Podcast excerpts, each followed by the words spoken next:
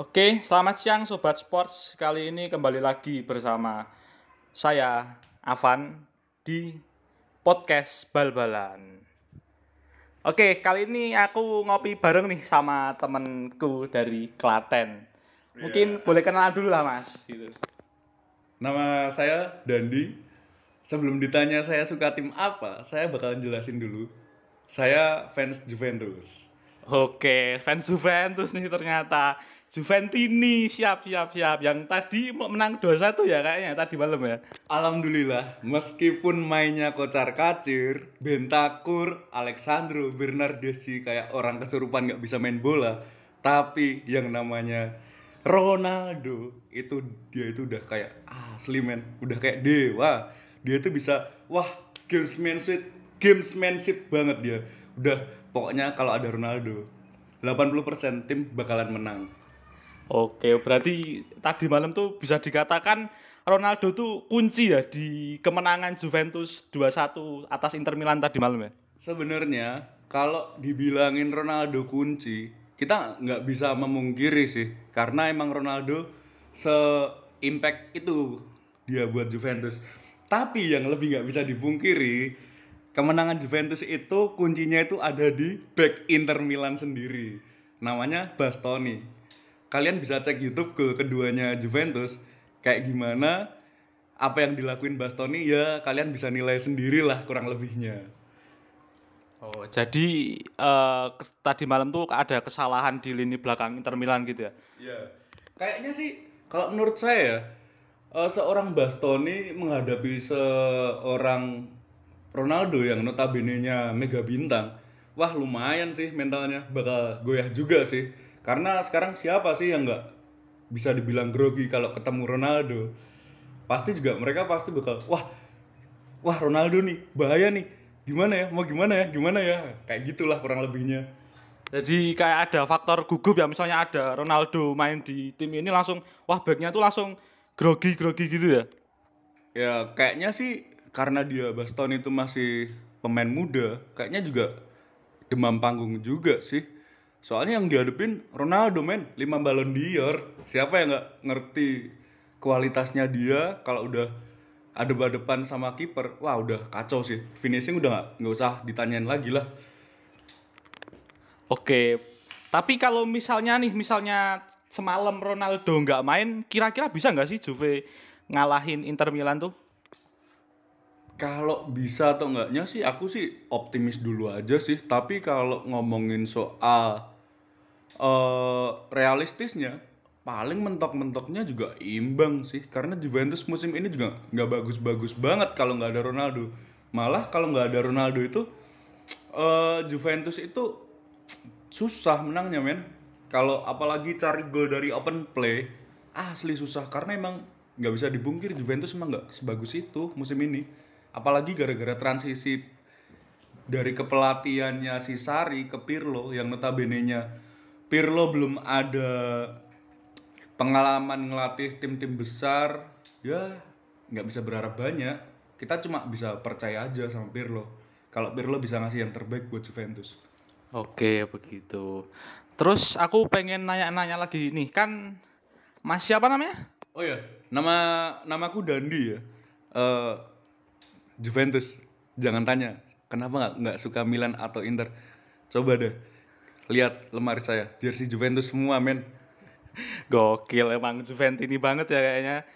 Eh, oke Mas Dandi, aku mau nanya nih, eh, kan Juventus punya Ronaldo kan. Kira-kira Juventus tuh punya aset nggak sih? Aset pemain masa depan gitu, pemain muda yang sekiranya ntar bisa jadi penopang di tim utama Juventus mungkin. Nih, kalau ngomongin pemain muda ya, Juventus itu asik sih. Dari pemain bintang, pemain berpengalaman, sampai pemain muda, itu ada semua sih. Kalau ngomongin pemain muda, oh pemain muda yang paling berharga ya Ligt sama Dybala. Tapi Ligt kan bukan dari akademi, dan Dybala juga bukan dari akademi. Ligt dari Ajax, Dybala dari Palermo. Kalau ngomongin pemain muda, menurutku yang paling potensial nih, mungkin ada si Frabota, terus Fagioli, terus Portanova sebenarnya bagus, tapi sayang aja dia malah dijual ke Genoa. Nah, Perin sih, Perin lumayan oke. Dia di Genoa itu dipinjemin. Nanti pasti bakal balik lagi ke Juve karena sekarang di Juve itu stok kiper masih ada si Szczesny, ada Pinsoglio sama Buffon. Jadi menurutku, oh ya, sama satu lagi, ada Mary Demiral. Anjir, semalam asli keren banget sih. Kalau nggak ada Demiral, Juve udah bisa kalah tuh 3-2. Asli. Dia tuh pemain, wah kacau lah men, nggak bisa jelasin gua. Mantep. Gila, Demiral ya emang. Emang semalam Demiral ngapain aja sih kok bisa Mas Dandi ini ngomong bagus banget? Emang gimana sih mainnya dia? kalau nggak ada Demiral nih, Lautaro itu udah wah kacau sih. Mungkin bisa dua gol dia bisa bikin. Gara-gara si Demiral, dia bikin save yang lumayan krusial banget. Padahal posisi itu Chesney udah lepas, udah hampir gol. Nah, gara-gara ada Demiral di depan gawang, udah itu udah si Lautaro udah ngesut sih. Gara-gara ada Demiral, bola bisa keblok sama Demiral. Terus juga dia tuh intercept-interceptnya, wah kacau udah nggak bisa ditanyain lagi. Pokoknya Demiral itu the next shell ini banget lah pokoknya. Mantep dia. Oh, the next ini, the next ini ya. Emang Demiral tuh dulu emang asli pemain Juventus nggak sih atau transferan dari mana kalau boleh tahu? Enggak, Demiral itu dulu dibeli dari klub Turki kalau nggak salah. Kalau yang dari Juve itu, yang asli Juve itu ada si Frabotta, Fagioli, sama Dragusin. Nah, Dragusin ini dia tuh keren sih. Dia tuh CB tapi bisa main di LB, bisa RB dan dia bisa DMF dan kacaunya lagi setiap dia main uh, dia tuh padahal pemain dari akademi dari Juventus B tapi dia itu udah kayak gameplaynya udah kayak pemain senior udah langsung bisa nyatu gitu. Chemistry-nya udah wah kacau. Gila dia. Wah gila emang. Terus aku mau nanya-nanya nih uh, tadi kan udah nanya-nanya tentang klub favorit Juventus terus kan uh, mau nanya aja ter tentang transfer-transfer Windows sekarang itu bagaimana sih menurut Mas Dandi gitu?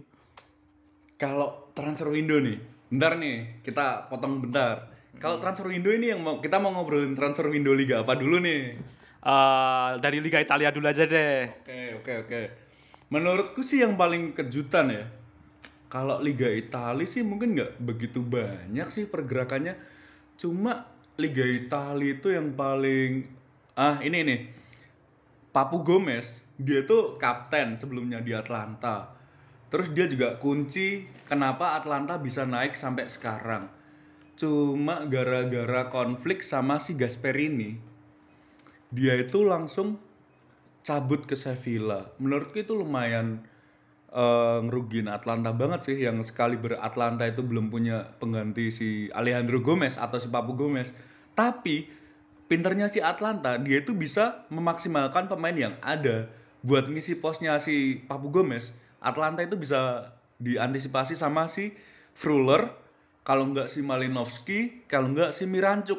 Nah, kita juga bisa pandang remeh si Lammers, kalau nggak Ilicic. Ilicic tuh parah sih jagonya. Dia itu second striker tapi dia itu bisa jadi playmaker. Bahkan dia tuh kayak game changernya Atlanta. Terus kalau dari tim lain, menurutku siapa ya yang paling ini uh, paling lumayan signifikan. Oh, ini ini nih. Milan nih. Milan baru aja datengin si Mandzukic sama siapa ya? Lupa aku Milan. Yang pasti Mandzukic. Wah, nggak kebayang sih kalau Mandzukic tandem sama Ibrahimovic. Terus kanan kirinya ada si Rebic sama si Leo. Wah, anjir, udah kayak anak STM dia nantangin semua back-back lawan. Wah, kacau sih kalau Milan musim ini. Kacau sih. Terus ntar kalau misalnya nih ketemu Juve gitu gimana? kalau ketemu Juve ya otomatis kayak gini nih Ibrahimovic dulu mantan pemain Juve. Terus Mandzukic juga kemarin mantan pemain Juve juga. Jadi menurutku kayak Juve itu udah apal banget sih sama gameplaynya Ibrahimovic sama Mandzukic. Palingan Milan itu menurutku yang paling ngejutin sih pemain-pemain mudanya. Jadi kalau bakalan optimis menang atau enggaknya menurutku Juve di sini sih menang pengalaman atau mental. Tapi kalau dari sisi gameplay, Milan emang inovatif banget sih. Bahaya Milan musim ini. Faktanya dia Milan tuh masih puncak klasmen sampai saat sekarang. Masih puncak klasemen ya. Emang Juve sekarang peringkat berapa sih kalau boleh tahu? Juve itu sekarang itu masih nomor kemarin sempat nomor 3. Terus turun lagi ke nomor 4. Tapi masih nyimpen satu match sama Napoli yang kemarin Napoli banding gara-gara WO Nah, kemarin tuh udah tiga, turun ke empat, gara-garanya Juve menang, Roma juga menang. Nah, otomatis Juve udah ketiga, turun lagi, gara-gara Roma menang, akhirnya Juve keempat lagi deh. Tapi masih panjang sih, masih paruh musim kan. Ntar yakin sih kalau Juve itu udah 9 kali berturut-turut Scudetto men, apa yang mau diraguin? Udah mental juara kalau di Italia. Beda kalau di Eropa ya. Juve kayaknya belum bisa bicara banyak sih kalau di Eropa. Sampai semifinal kayaknya udah udah pencapaian yang tinggi banget sih kayaknya kalau buat musim ini. Oke gitu. Jadi masih belum dipungkiri ya, antar Juve itu masih bisa kemungkinan menjuarai Serie A ya. Optimis ya. Optimis banget sih. Optimis, optimis bisa juara. Tapi kayaknya nggak bisa secepat musim-musim kemarin sih. Kayaknya bakalan lebih seru, persaingan lebih ketat sampai akhir musim. Karena emang nggak bisa dipungkiri men. Milan, Inter, Napoli, Roma, wah mereka kacau semua sih. Improvisasinya musim ini, wah parah gila sih mereka. Mereka kayaknya udah udah nggak mau ngebiarin Juve bakal Scudetto 10 kali berturut-turut. Mbak, jadi aku bisa mungkin ntar papan atas klasemen Serie A tuh bakal panas banget ya. Terus ada nggak sih kayak eh, apa ya pesaing Juve yang kira-kira tuh bakal apa ya mengganjal Juve ke juara Liga Serie A? Mungkin dari Atalanta mungkin yang sekarang emang lagi naik-naiknya atau emang dari AC Milan yang habis beli Mandzukic gitu. Terus menambah, daya serangan kan itu di ada Ibra, ada Mandzukic yang emang punya power di depan gitu. eh gimana ya kalau tim kuda hitam ya. Tim kuda hitam Lazio juga kacau sih. Lazio itu bagus banget sih. Terus juga Atlanta juga bagus Napoli bagus. Nah ini nih fakta menariknya kalau ketemu Napoli kemarin tuh Napoli habis kalah di final Supercoppa kan kalau nggak salah. Nah kayaknya kalau lah Napoli sih masih aman sih. Cuma yang agak ngeri sih yang lawan Milan sih. Milan bisa menang cuma agak susah kalau lawan Milan. Jadi juara masih bisa Scudetto. Asal Juve itu bisa konsisten sampai akhir musim ya. Kalau gameplaynya masih bisa improve-improve lagi, masih yakin sih optimis bakal juara. Karena kita nggak bisa memungkiri juga sih.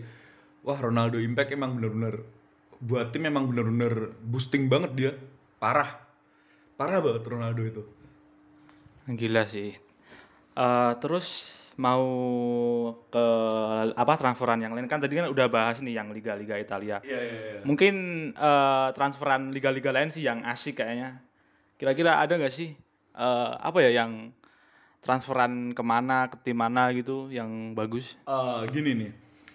Terus terang kan aku kan ngikutinnya Liga Italia ya. Tapi nggak emang nggak bisa dipungkiri Liga Inggris itu emang wah entertain banget sih. Nih yang lagi seru nih Liverpool kemarin tuh udah dari awal kompetisi sampai hampir paruh musim loh. Dia tuh puncak klasmen. Bisa-bisanya digeser sama MU. Gara-gara ini mereka nggak konsisten. Gara-gara pemainnya banyak yang cedera. Apalagi di lini pertahanan kayak Arnold, Robertson, Matip, Gomez, Van Dijk itu cedera semua bayangin aja men starting line up-nya backnya cedera semua sampai-sampai yang dijadiin back Henderson sama si Henderson sama si Fabinho kalau nggak salah padahal mereka itu CMF semua nah ini Liverpool pinternya nih di deadline day transfer deadline day mungkin ini Jurgen Klopp juga sih yang jago mereka bisa-bisanya datengin si Kabak dari Schalke. Padahal si Kabak ini pemain intinya Schalke, kok bisa sampai didatengin? Padahal udah deadline deh. Nah, apalagi sekarang problemnya Schalke itu lagi berjuang di zona degradasi. Padahal sampai Schalke datengin Huntelar lagi buat nge-boosting Schalke biar nggak degradasi. Kok malah pemainnya dijual? Wah, ini the power of Klopp banget sih. Terus habis itu, oh ya, Wolves, Wolverhampton, kacau sih. Dia datengin ini nih, gara-gara Raul Jimenez cedera, terus kemarin ada rumor mereka bakal datengin si Hulk. Akhirnya Hulk karena udah kayaknya usia sih problemnya. Akhirnya di cancel. Mereka malah datengin William Jose. Anjir langsung bisa klub lagi. Langsung klub kayak udah kayak udah langsung kenal gitu, kayak nggak pakai adaptasi-adaptasi lagi. Terus kalau Chelsea sih masih problemnya masih sama sih. mereka banyak pemain baru masih harus improve lagi apalagi habis ganti pelatih juga kan ganti Thomas Tuchel Iya, iya. tapi Tuchel oke sih bakalan wah jadi tim kuda hitam juga Chelsea. Oke sih. Tapi kalau menurutku Liga Inggris tahun ini yang masih megang City sih. Karena City menurutku udah mulai konsisten lagi. Apalagi wah Pep udah susah sih kalau udah di atas. Apalagi ini nih.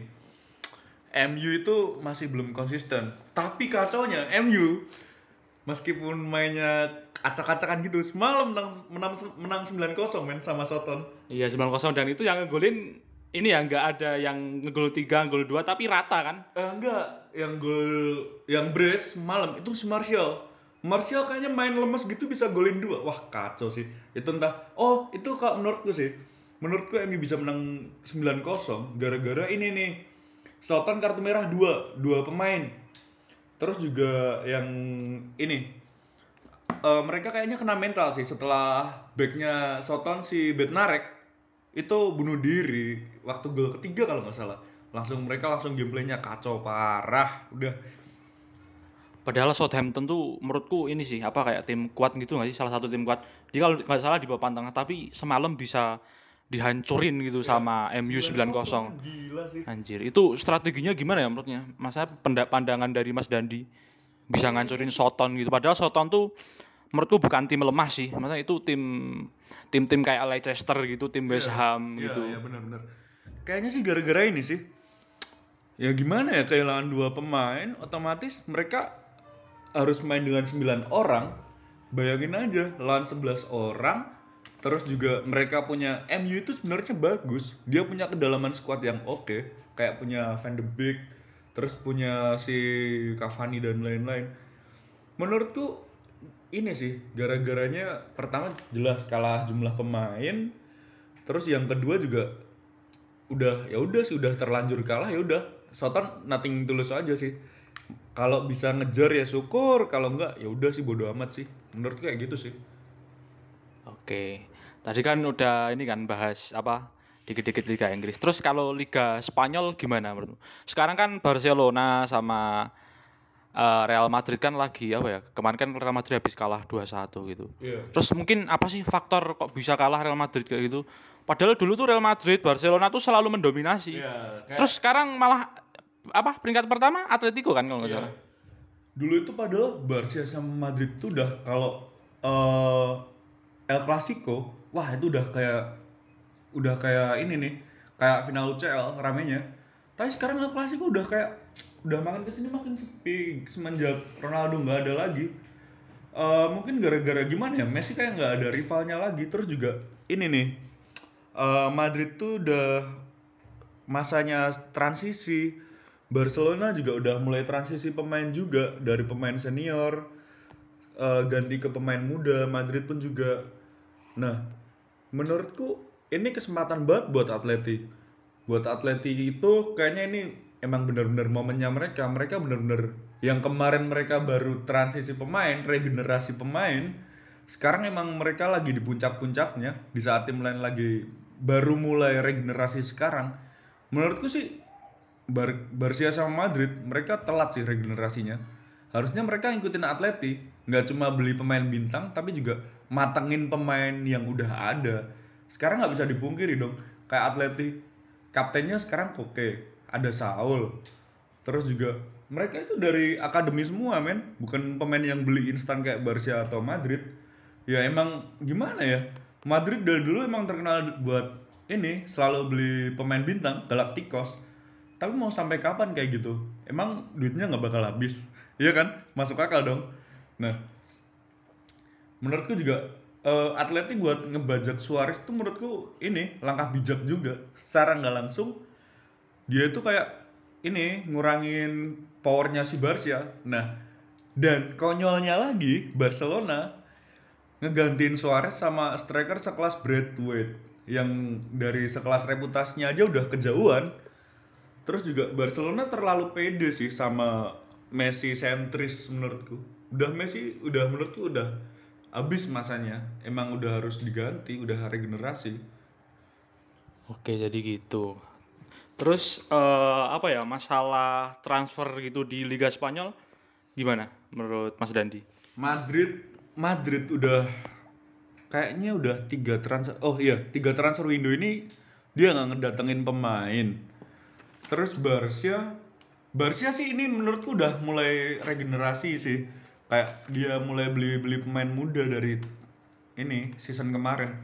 Dan emang itu yang harus dilakuin Barca kayak mereka beli Trincao beli Pedri terus beli Araujo Jean-Claire Todibo.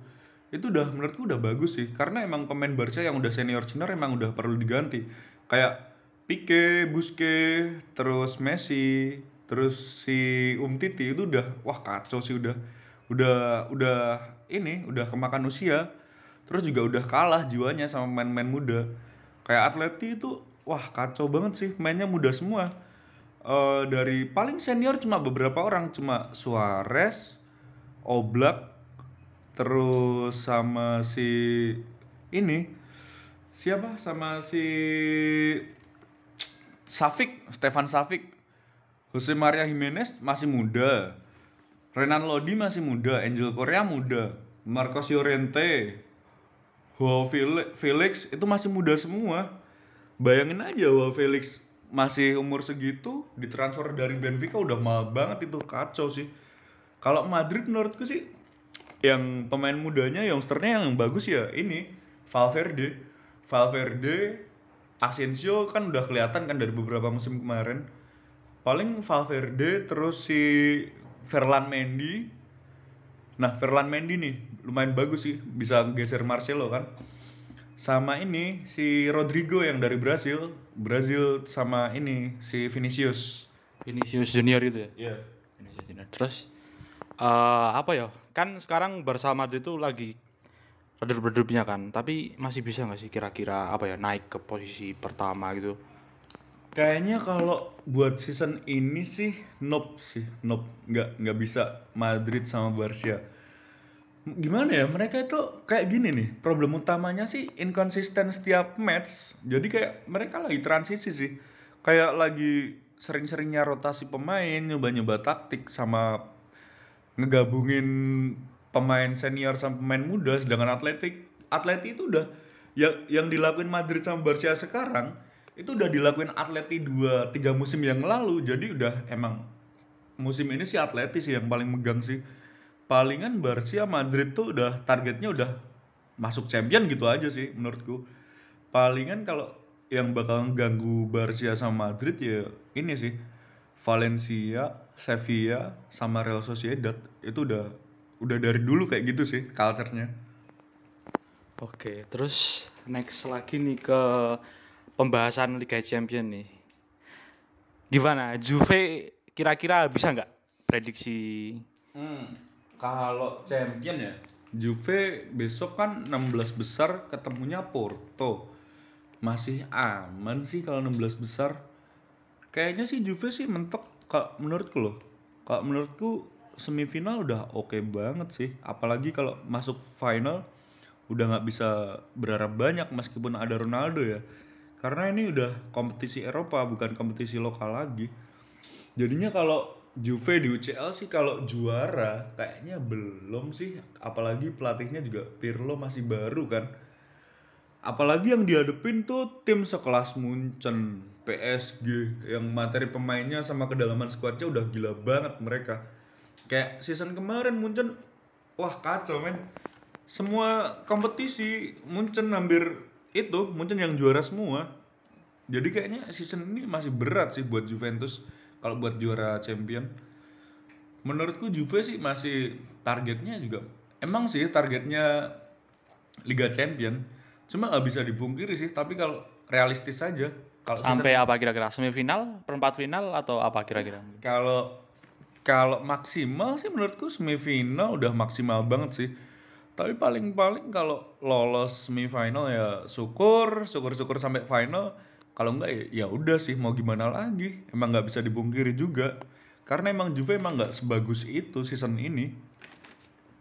Terus next lagi nih ke pembahasan selanjutnya eh apa ya mungkin sekarang-sekarang ini kan apa waktunya kan masa Messi sama Ronaldo kan udah hampir habis kan.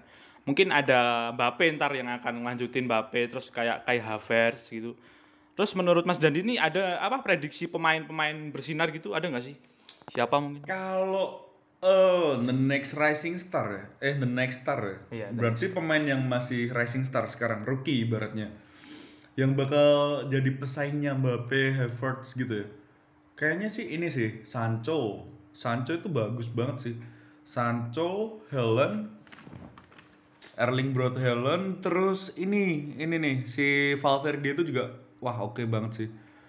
Terus kalau dari Juve sebenarnya di Bala itu bagus sih. Cuma kalau buat nyamain kelasnya Mbappe kayaknya udah telat dari sisi usia. Mbappe usia segitu dia pencapaiannya udah lebih dari Dybala. Tapi menurutku kalau buat Helen dia masih bisa sih. Helen sama Sancho dia masih bisa sih kayaknya. Eh tadi kan yang pemain ini kan yang pemain bakal bersinar kayak gitu kayak Mbappe gitu.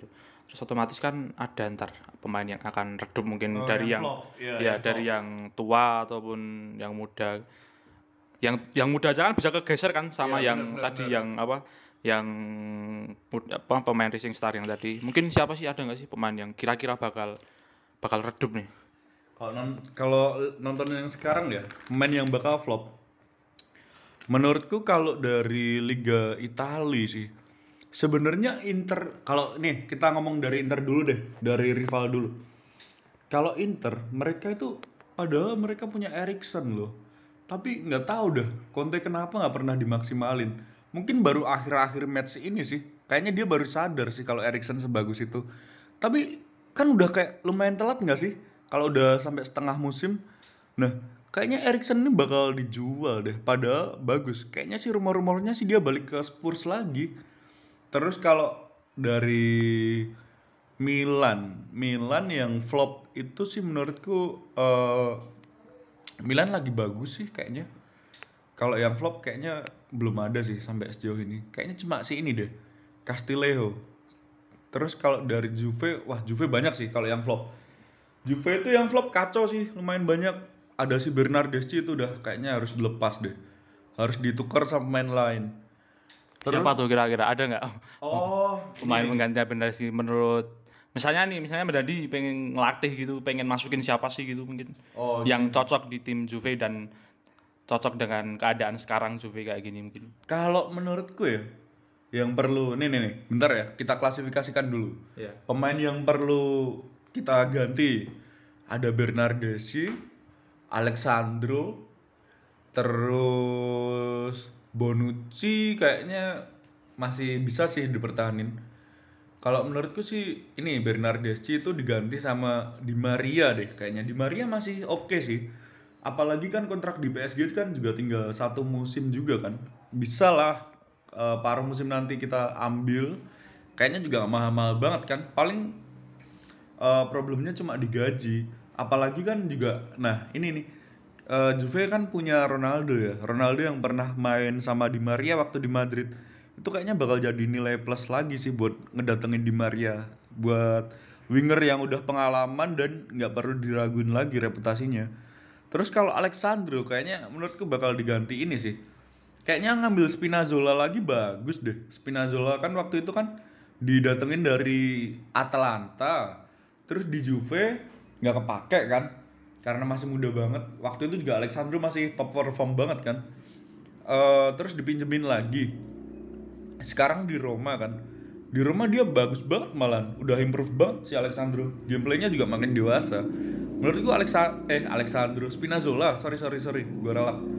Spinazzola itu masih udah cocok sih balik ke Juve. Terus oh ya, ini Danilo. Danilo kayaknya perlu diganti deh, dipulangin lagi sih si Cancelo. Sekarang apalagi kan ini nih, pesaing Juve Inter sama Milan fullbacknya ngeri-ngeri semua men. Milan punya Hernandez, Theo, terus si kanannya ada Calabria, sedangkan Inter di kanan mereka punya Hakimi yang udah wah kacau parah banget sih. Menurutku Cancelo udah opsi fair banget sih buat Juve. Sama kalau oh ini yang paling penting. Juve itu harus datengin playmaker. Juve nggak bisa bergantung sama Dybala terus. Dybala apalagi sekarang lagi inkonsisten. Menurutku Di Maria itu juga udah memenuhi kebutuhan Juventus banget dari sisi winger, dari sisi playmaker. Udah compact banget lah dia. Versatile juga main di mana juga bisa. Kalau sama back paling perlu datengin pelapis sih. Pelapis back-back muda gitu. Oh, ini pulangin Christian Romero aja yang dipinjemin sama ke Atlanta. Dia di Atlanta kan inti dia. Bagus kalau nggak datengin ini si backnya Atlanta Jim City. Oke banget dia itu. Oke gitu. Terus eh, aku mau nanya lagi nih tentang Liga Champions lagi kebalik lagi ke Liga Champions. Kira-kira nih menurut Mas Dandi itu yang bakal menjuarai Liga Champions tuh siapa? Wah, kalau ngomongin juara champion ya. Ini masih wah masih bercabang banget, masih panjang. Tapi kalau ngomongin Liga Champion, semua tim bisa jadi kuda hitam. Semua tim bisa jadi tiba-tiba kuat gitu kayak Ayak waktu itu. Tahu-tahu kuat gitu ya. Kayak Roma bayangin aja Barca udah menang bisa dibalikin. Jadi kalau ngomongin prediksi champion ya, wah ini masih agak susah sih. Mungkin dari apa ya? Dari segi pemain mungkin yang Kayaknya yang bakal bicara banyak sih masih Munchen. Tapi kalau menurutku ya, Munchen kan kemarin kan musim kemarin udah mulai kebaca kan gameplaynya. Menurutku sih Atletico sih bakalan jadi penantang kuatnya Munchen. Kayak kalau tim-tim lain sih kayaknya cuma masih jadi kuda hitam sekelas kayak Juve, City. Kalau City sih sebenarnya bagus sih, oke sih. Cuma City kayaknya mentalnya belum dapet sih, belum kebentuk. Mereka kayaknya masih mentok di semifinal kayak Juventus. Oke, gitu. Terus eh, kan tadi udah bahas Liga Champions tuh. Mungkin Liga Eropa ada nggak opini dari Mas Dandi gitu tentang Liga Eropa mungkin? Yang mungkin dari apa akan pemain bersinar dari Liga Eropa, terus dari klub mana yang akan jadi kuda hitam di Liga Eropa? Kalau klub ya yang di Liga Eropa, kalau kita dari UCL nih, dari UCL kayaknya yang bakal jadi kuda hitam eh Atletico dari dulu nggak pernah diunggulin buat juara ya. eh tapi musim kemarin bisa ngalahin Liverpool, gila nggak sih? Terus juga ini nih, Atleti menurutku udah hitam banget sih. Terus Atlanta masih lolos kan? Atlanta juga oke. Kalau Europa League Sevilla sih jelas sih meskipun bakal nan- di Europa League ada MU dan lain-lain. Sevilla sih emang spesialis Europa League udah Sevilla udah emang kalau Europa League aja jatuhnya pasti ke Sevilla mulu. Entah lawannya siapa pasti Sevilla lagi juaranya. Sevilla lagi. Kalau champion kayaknya sih menurutku Atleti sih yang bakal jadi kuda hitam. Kalau pemain kuncinya kayaknya pemain key playernya Atleti ada di ini sih. Ada di Koke, Saul, sama si Felix, Joe Felix. Joe Felix. Oke. Eh, Oke, mungkin itu aja ya. Mungkin udah udah lama banget nih, udah 30 menit deh kita kayak ngobrol gitu. Mungkin ada masih mau pengen ngomong lagi dari Mas Dandi apa gitu tentang liga-liga Eropa gitu. Nih, kan tadi kan aku kan udah ditanyain banyak banget nih. Gantian lah, sekarang gue yang aku yang tanya. Gak enak lah. Iya iya iya Nanya, siap. cuma Siap. jawab-jawab mulu. Nah, kalau dari Mas Afan nih, Iya. kan nggak, aku pengen tahu dulu deh. Mas Afan sukanya tim apa sih? Kalau tim ya, aku tuh sebenarnya suka tim ini, tim Indonesia sih Persipura. Cuman kalau dari Eropa, itu mungkin aku lebih suka Barcelona. Kenapa suka Barcelona? Alasannya kenapa? Karena dari kecil eh aku ini udah nonton aku gara-gara Messi sih mungkin. Gara-gara dulu kan emang waktu kecil emang zaman top-topnya klub kan emang Barca kan dulu. Dari juara Liga Champions terus pemain-pemain materinya berkelas kayak ada David Villa, ada Messi, terus ada Xavi Hernandez, ada Iniesta. Mungkin apa ya dari emang dari kecil udah lihat apa ya dari popular, popularitas Barca yang emang dulu tuh emang keren banget sih mungkin menurutku. Emang pada saat itu sih emang Barca emang gila sih, benar-benar megang. Apalagi setelah Ronaldinho, setelah eranya Ronaldinho, langsung dilanjutin sama Messi, Iniesta, Xavi emang wah gila sih kacau sih. apalagi sama tiki takanya Barcelona emang waktu itu nggak ada obat sih. Yang bisa ngalahin Barca waktu itu kayaknya cuma Inter deh. Sama ini Inter gara-gara waktu dilatih Mourinho. Inter ya waktu parkir bis tuh wah kacau sih. Itu bener-bener defense-nya parah banget sih. Banyak sih yang ngomong kalau Mourinho itu dia tuh ngelakuin kayak negatif football. Tapi fair fair aja sih menurutku. Karena mau gimana lagi lawan Barca men. Pemainnya bisa dribble semua bisa ngoper ke mana-mana. Udah seenaknya dia aja semaunya. Kalau nggak parkir bis gitu gimana mau menang? Bener nggak sih waktu itu? Iya bener. Dan waktu itu emang Barca emang apa ya sulit untuk dikalahkan daripada supremasi banget ya iya supremasi banget. Tapi sekarang nggak tahu dah. Terus sekarang Udah utang ini nih, Barca ke mana-mana. katanya ini rumornya Barca mau bangkrut gara-gara utangnya banyak. Menurutmu gimana? Kira-kira Barca bakalan bangkrut nggak sih kalau menurutmu? Kalau dari aku sih ntar bakalan bangkrut. Jadi kalau menurutku ya solusinya tuh emang harus ada pemain yang dijual. Mungkin Messi sih bisa dijual karena emang udah faktor usia dan emang harus regenerasi pemain yang muda-muda gitu. Mungkin bisa tuh kemarin ada PSG yang katanya mau beli Messi ya. Iya. Terus kayak kan kalau jual Messi aja kan kayaknya nggak bakal cukup sih buat ngebayar utangnya Barca. Kayaknya gini, kalau menurutku sih kayaknya eh Barca perlu cari investor deh. Selain jual pemain, ngejualin pemain bintangnya, kalau nggak nge-build up timnya dari awal, kayaknya Barca perlu perlu datengin investor, cari investor yang bener-bener kaya banget sih, kayak City, kayak PSG gitu. Kayaknya dari Timur Tengah boleh sih kayaknya. Iya, yang emang orang-orang kaya gitu. Terus ini kayaknya juga Barca tuh konfliknya cuma utang. Kayak ini nih, konflik Spanyol sama Catalunya juga itu. Kayaknya lumayan rumit juga kalau Barcelona. Nah, kalau Barcelona menurutmu pemain yang bakal pemain muda kan otomatis kan mereka lagi regenerasi kan. Pemain muda yang bakal kayaknya yang bisa unjuk gigi musim ini siapa selain Ansu Fati kalau menurutmu? Kalau aku ada Pedri sih, Pedri sama Ilaix Moriba. Itu sumpah itu mainnya keren banget sih menurutku. Ilaix Moriba yang emang kayak gelandang pengangkut air gitu, kerja keras gitu, lari ke mana-mana gitu. Keren. Ya, kayaknya juga udah emang udah waktunya sih Busquets udah diganti sih. Kayak dan Barca nggak bisa seidealis itu main tiki taka tiki taka terus. Karena gimana ya eh makin ke sini kayak udah makin ngerti semua tim buat ngantisipasi lawan Barca kayak gimana terus ngadepinya gimana dan nggak bisa Barca cuma stuck sama satu pemain itu terus. Terus juga Barca kan kayaknya juga ini kan Frankie De Jong juga udah mulai bagus lagi sih. Ya, itu kayaknya the next ini siapa? Kayak pemain aset aset banget ya, aset banget itu ini. Next Iniesta banget ya. Terus kalau Barca, menurutmu problem utamanya di pemain, menurutmu pemain yang paling dibutuhin Barca itu sekarang apa?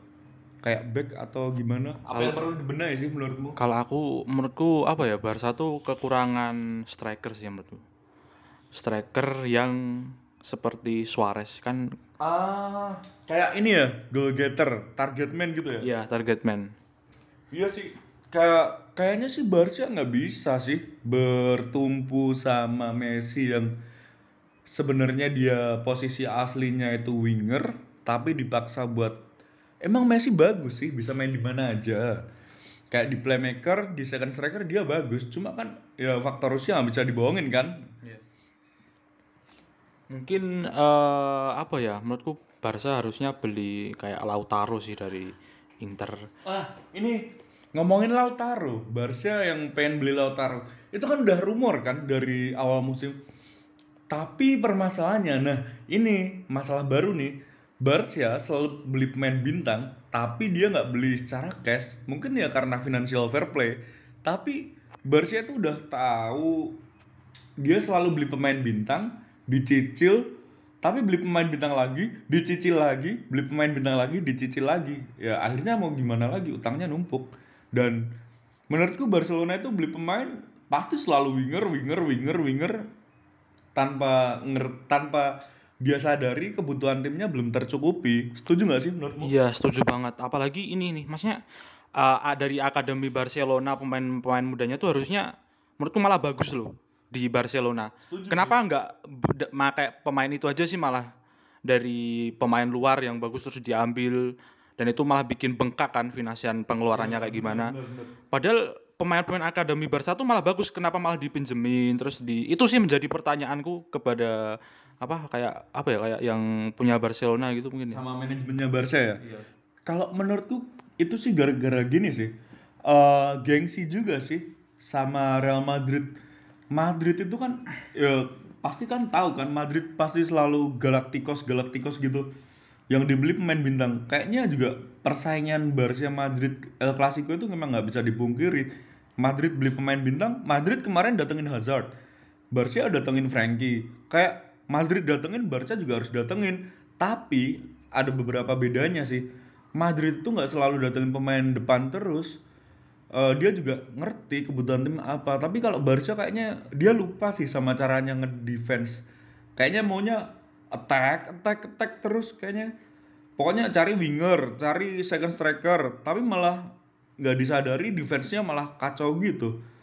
Kayaknya back back dari Barca yang paling bagus cuma Lenglet sih menurutku tahun ini. Terus Araujo ini kayaknya lagi emang naik-naiknya sih Araujo. Araujo pemain muda kan. Nah, Iya. Harusnya Barcelona itu mulai regenerasi dari 2 atau tiga tahun kemarin. Harusnya Barcelona itu peka kan di saat Atleti regenerasi, dia harusnya juga ikut regenerasi, bukan malah nambah pemain bintang pemain bintang. Terus pemain mudanya malah dikesampingkan gitu. Akhirnya kayak malah jadi blunder sendiri kan sekarang malah. Iya, iya sih. Ya itu sih maksudnya apa ya? Aku jadi pertanyaan tuh kenapa sih maksudnya Barca tuh padahal tuh punya ini loh, punya pemain yang ya? bagus ya. La Masia tuh emang akademi yang ini sih menurutku emang, bagus. iya. Terus kenapa malah dijual-jualin gitu loh. Iya sih, kayaknya ini sih gara ya mau gimana lagi ya. Barca udah datengin pemain bintang, nggak mungkin kan pemain bintang mau dicadangin. Otomatis kalau datengin pemain bintang mungkin ngaruhnya kan ke hak siar TV juga. Maksudnya viewersnya juga makin naik, terus hak siar TV-nya juga makin mahal. Kayaknya Bar Barca ngincar dari sisi instannya itu deh. Tapi dia lupa sama oh ternyata regenerasi itu sepenting itu. Kayaknya menurutku sih gitu sih. Hmm, gitu ya. Hmm.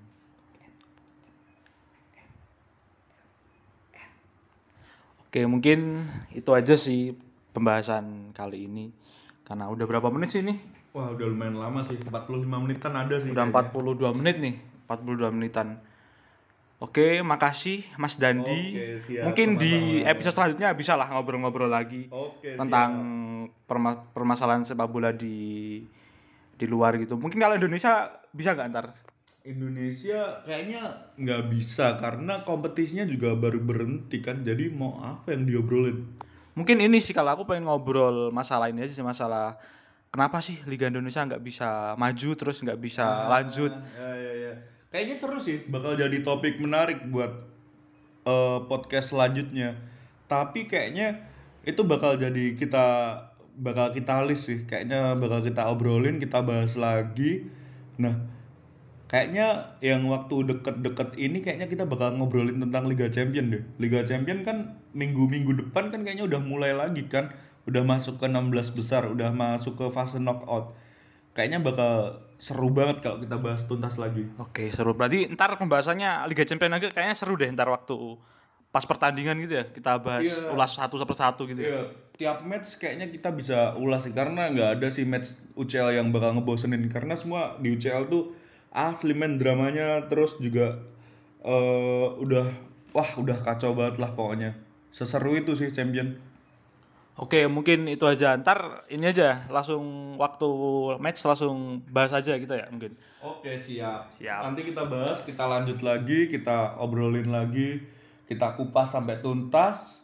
Pokoknya tetap di tetap pantengin di podcast Podcast Bal-Balan. Jangan lupa kita bakal bahas lagi, kita ngobrol lagi, kita seru-seruan bareng. Pokoknya tetap stay tune di podcast, Podcast bal-balan. Ditunggu. Bye.